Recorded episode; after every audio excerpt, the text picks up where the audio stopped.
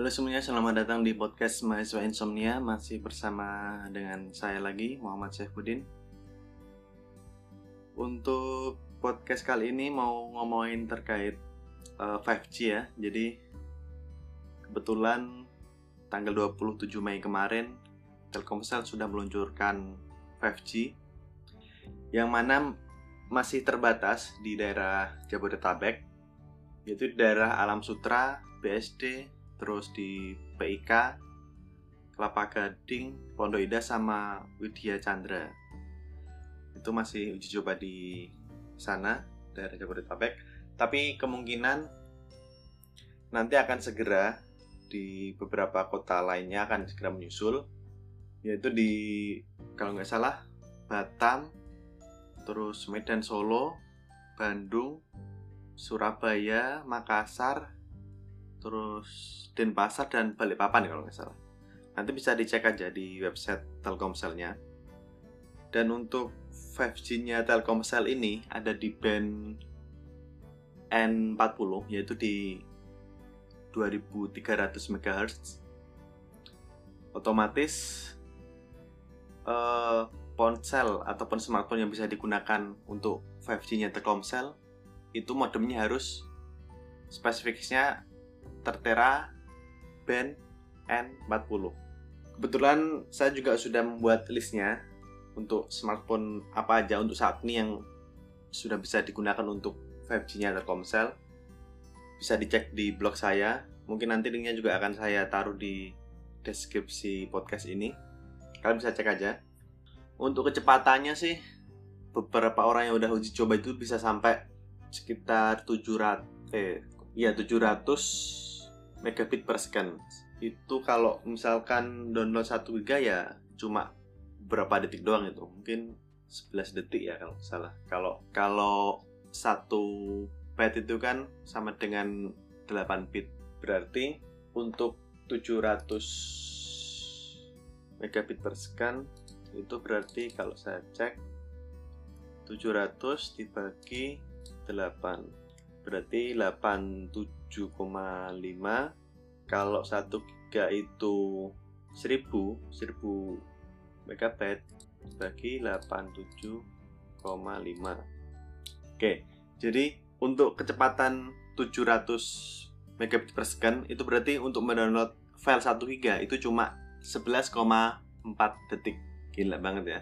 Mungkin kalau joknya kalau saat ini kan masih kebanyakan masih 4G biasanya kan kalau kita lagi ngezoom itu mesti kalau waduh sinyal 4G ku nggak nggak lancar nih. Cuma cuma 8K atau HDPA 3G doang. Mungkin suatu saat nanti ya karena kalau semuanya sudah kalau semuanya sudah pakai 5G kerasa 4G itu juga udah kerasa lambat banget. Padahal kalau kita flashback ke belakang sebelum dulu itu sebelum 4G diluncurkan juga kita pakai 3G pun juga udah kerasa nyaman-nyaman banget. Terus kemarin saya coba-coba uh, pakai 3G, 2G, waduh kerasa lemot banget ya.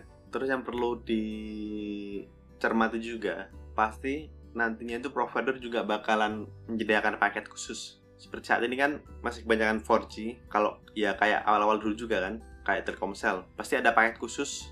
Misalkan uh, di paket yang tertera itu adalah 20 GB 15 GB 4G, terus sisanya di semua jaringan. Pasti suatu saat nanti juga Telkomsel juga akan kayak gitu juga. Pasti ada paket khusus 4G-nya. Misalkan 50 GB cuma misalkan 100 ribu rupiah, tapi 40 GB-nya untuk 5G, terus 10 GB-nya untuk di semua jaringan.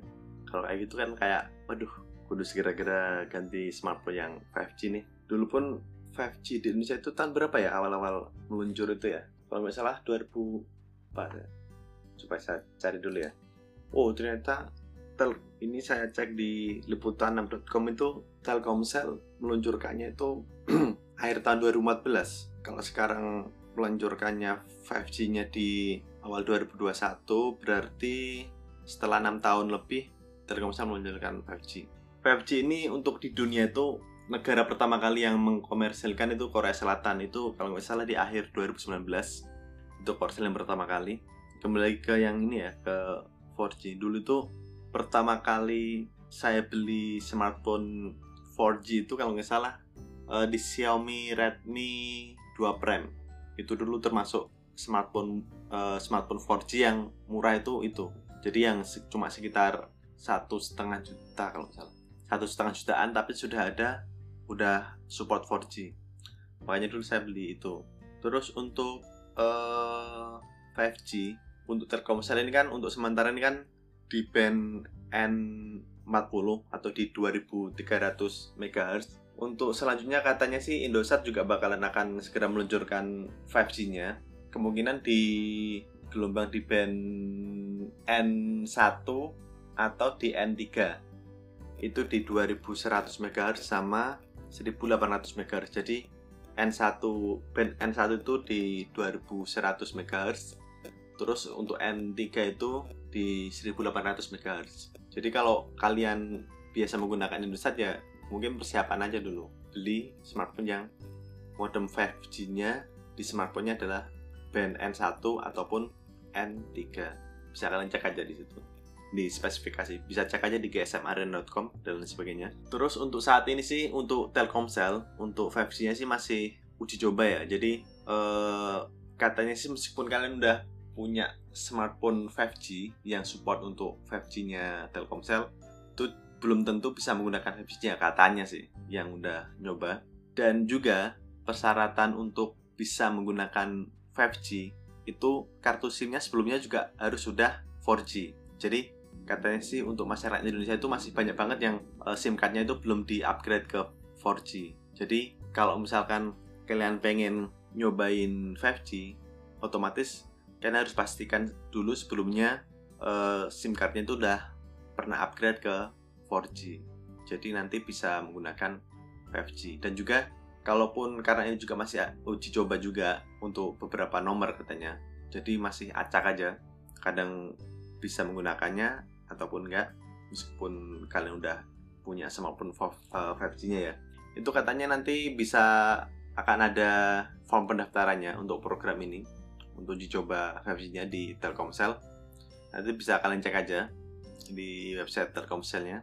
Terus gimana kalian pada mau segera upgrade ke smartphone yang mendukung atau support 5G nggak ini? Kalau hemat saya sih mending nunggu satu tahun dulu. Lagian juga kan untuk 5G kan juga belum di semua tempat ada di semua kota belum ada juga.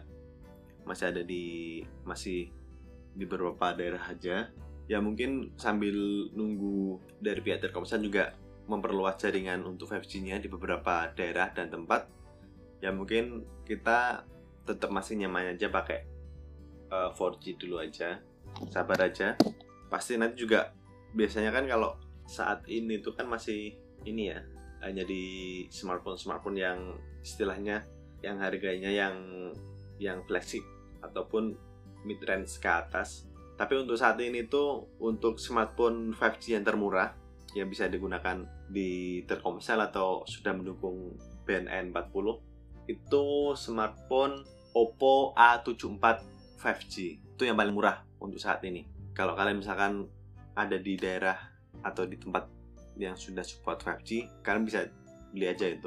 Atau yang termurah kedua itu Samsung Galaxy A3 5G itu kalian bisa beli itu untuk pengen ataupun penasaran pengen nyoba kecepatan 5G nya mungkin itu aja sih yang pengen tak omongin terkait 5G apalagi ya kembali saya ingatkan lagi kalau kalian pengen lihat daftar smartphone apa saja yang support untuk 5G Telkomsel ini bisa cek aja di blog saya.